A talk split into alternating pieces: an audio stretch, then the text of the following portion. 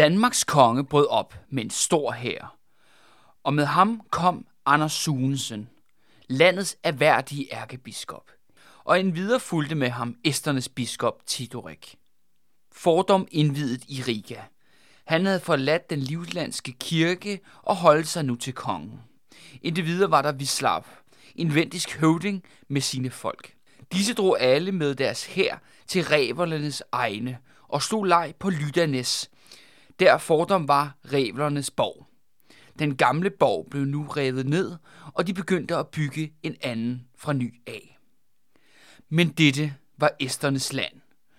Dybe, mystiske og elgamle skove, fyldt med mystiske steder og væsner, med magt og kraft.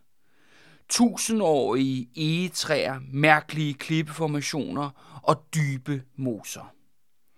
Og udover æsterne gemte sig andre monstre i de uendelige skove. Både de kendte, som bisonokser og bjørne, men også de, de langt farligere jætter og det grønne folk og samiske troldkvinder og stammefolket med hundehoveder. Hvis danskerne ikke passede på, ville skovene og dens ånder opsluge dem og sende deres sjæle direkte til djævlen. Men æsterne var slemme nok i sig selv, ledet af shamaner og demokratiske valgte konger, der talte og handlede på skovgudernes vegne. De boede i huler i jorden, gravede lange gange og tunneler overalt i deres land. Pludselig kunne de springe op ud af bakker og jordskrænter, og som vilde dyr rive deres modstandere i tusindvis af stykker. Hvis ikke de tog de kristne til fange og tog dem med ud i deres hellige moser eller foran deres elgamle egetræsguder og skar maverne op på de kristne og trak deres indvolde ud eller brændte dem levende. Kun kvinderne skånede æsterne, da deres høvdinge altid havde brug for flere koner i deres underjordiske kongerige. Men æsterne sendte deres høvdinge til den danske konge ved Lydernes med fredelige ord, men svig i hjertet. Kongen festede lid til dem, da han ikke vidste, at æsterne havde samlet hele deres hær imod ham. Han gav æsterne gaver, og biskoppen døbte dem, og lod dem glade drage tilbage. Men da de var kommet til deres egne, vendte de tredje dagen efter tilbage med hele hæren, da man netop havde indtaget nadveren. Den 5. juni 1219 åbnede jorden sig rundt om den danske lejr ved Lydanes. Som sorte slanger eller trolde kom æsterne væltende op af jorden og omringede danskernes lejr fra fem sider. De stormede ind i den danske lejr, iført bjørneskin og horn for bisonokser.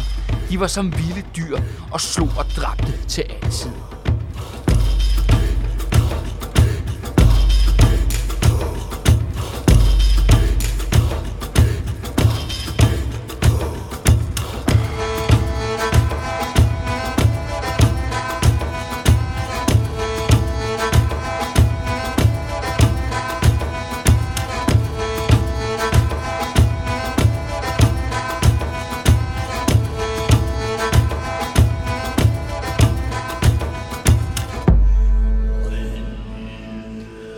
Esterne, æsterne, som troede, at kongen var i det telt, der tilhørte den erhverdige biskop Theodorik af Estland, trængte de ind til ham og dræbte ham.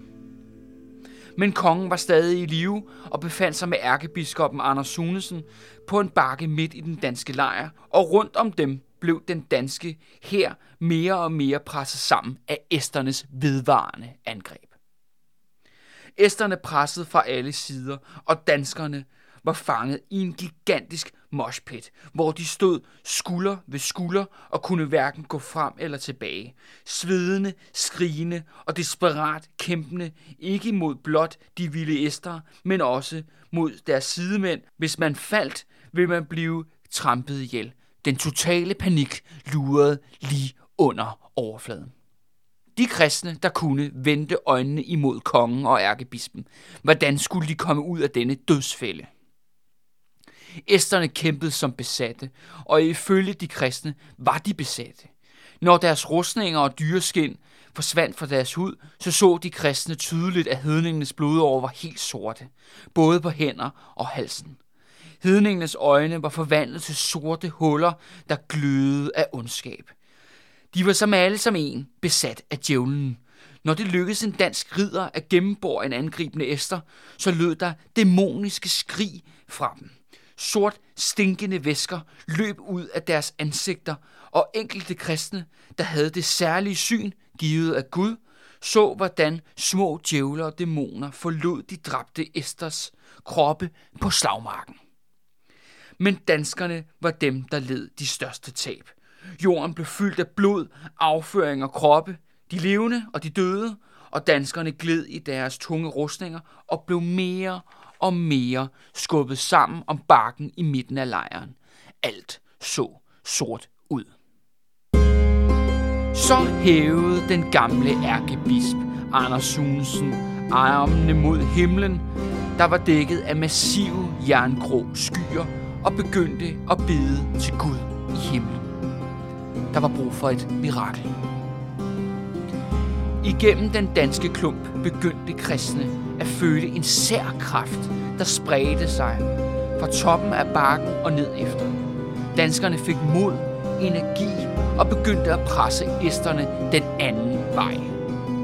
Det var som om, at der udgik et hvidt lys for danskerne, og det trængte æsternes mørke tilbage.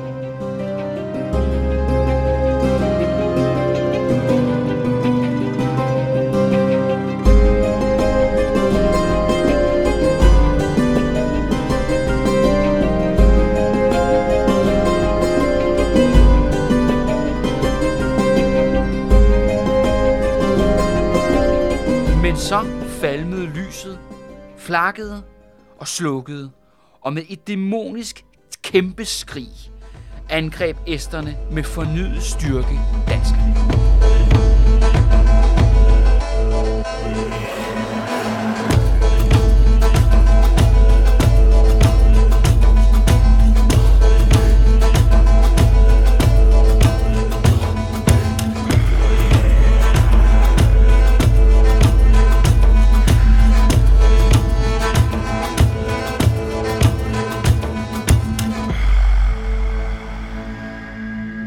Var der sket? Ærkebispen kunne ikke holde armene op imod himlen længere. Hans arme var tunge som bly. En mørk skygge omgav ham. En djævel viskede ham i øret, gjorde ham træt og fik ham til at svigte danskerne, sin konge og sin Gud. Der råbte kongen igennem, skrigende fra de døde og de døende. Hjælp ærkebispen. Og to munke sprang frem og løftede Anders Sunesens arme imod himlen. Noget af lyset, kraften og energien kom tilbage til danskerne.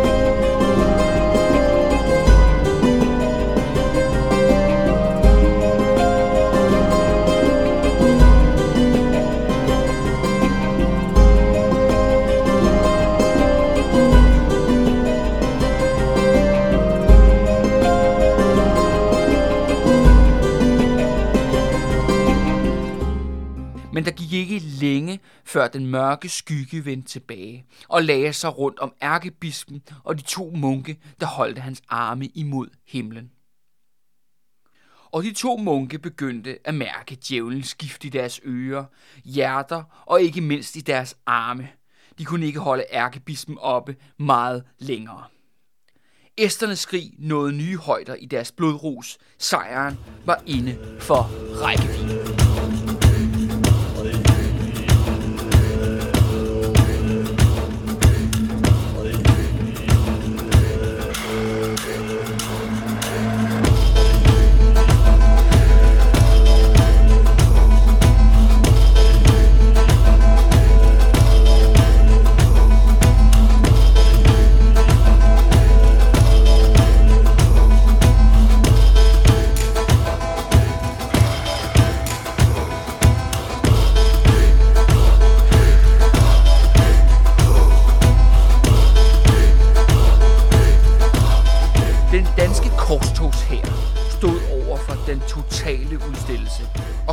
Så kun én vej ud, og det var at sætte sin lid til Gud. Han kastede svær og hjelm fra sig og gik på knæ og bedte Herren om noget, tilgivelse og hjælp. Pludselig åbnede de jerngrå skyer over slagmarken sig, og en enkelt kraftig solstråle ramte slagmarken ved Lydanes. Brændte og blændede æsterne, men styrkede og gav håb til danskerne. Solstrålen fejede over den blodige slagmark og lagde sig på bakken, og kongen og ærkebispen var ramt af dens lys. Og da skete det. Et stort flag faldt lige så roligt ned fra himlen. Langsomt dalede det ned mod jorden. Flaget var rødt med et stort hvidt kors i midten. Tavsheden sænkede sig over slagmarken. Alle stoppede myrderiet og stirrede imod flaget, selv æsterne. Og så lød en stærk stemme, både fra himlen, men også inde i de kristnes hoveder. Og stemmen sagde, når danskerne fører dette flag, vil de sejre.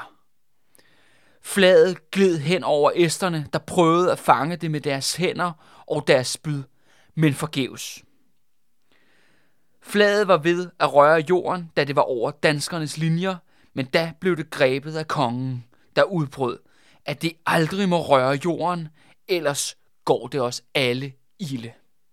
Men her blev den estiske hær ramt i ryggen af høvding Vislav, som med sine venter havde stilling i den dal, som sænkede sig ned fra bjerget til stranden. Vislav og hans venter kæmpede sig igennem esternes linjer, befriede danskerne fra det kvælende, dødelige estiske fagntag. Og sammen, venter og danskere, slog de esterne på flugt, forfulgte dem og lod dem hugge ned for fode. På kort tid blev over tusind æster massakreret. Djævlen havde forladt dem. Danskerne havde vundet, takket være Guds flag. Ikke blot havde de råbet Estland, men de har også fået et magisk flag, der gav sejr på slagmarken. Og det fik alle til at kalde kongen sejr, altså Valdemar sejr. Den Valdemar sejr, der havde skabt sig et korstogsimperium i Østersøen under sit nye flag, Dannebro.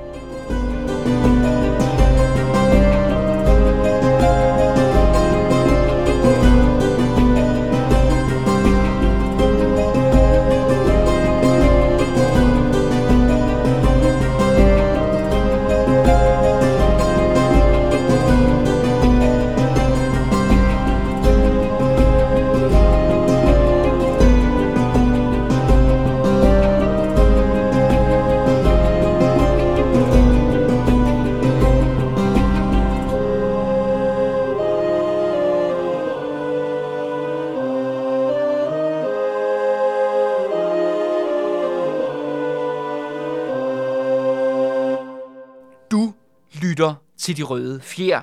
Jeg hedder Kalle Kylmand, og du har lige lyttet til begyndelsen på min serie Korstoget. Om Danmarks Østersøs imperium, om Danmark som korstogsstat, men også den mystiske og magiske og brutale begyndelse på Danmarks historien. Vi skal tilbage til den tidlige middelalder, hvor verden var befolket af magi, monstre, engle og dæmoner, der kæmper om menneskenes sjæle. En krig imellem det onde og det gode til sidste blodstråbe. Og det her, det er en historie, hvor de gode, de dræber og slavegør millioner. Brænder hele Østersøen af i Jesu navn. Et korstog, hvor Danmark gennemfører et holocaust efter det andet. Udrydder folk, kulturer og religioner for altid. De danskere, vi skal møde i den her serie, har vi nærmest intet til fælles med i dag, da de er brutale, folkemorderiske, religiøse fanatikere, der ikke udviser noget i deres hellige mission, givet af Gud. Og dog, vi har jo deres flag, og vi viser det frem hele tiden med glæde og stolthed. Men det er nok fordi, vi ikke ved, hvor den røde farve 靠啊，发。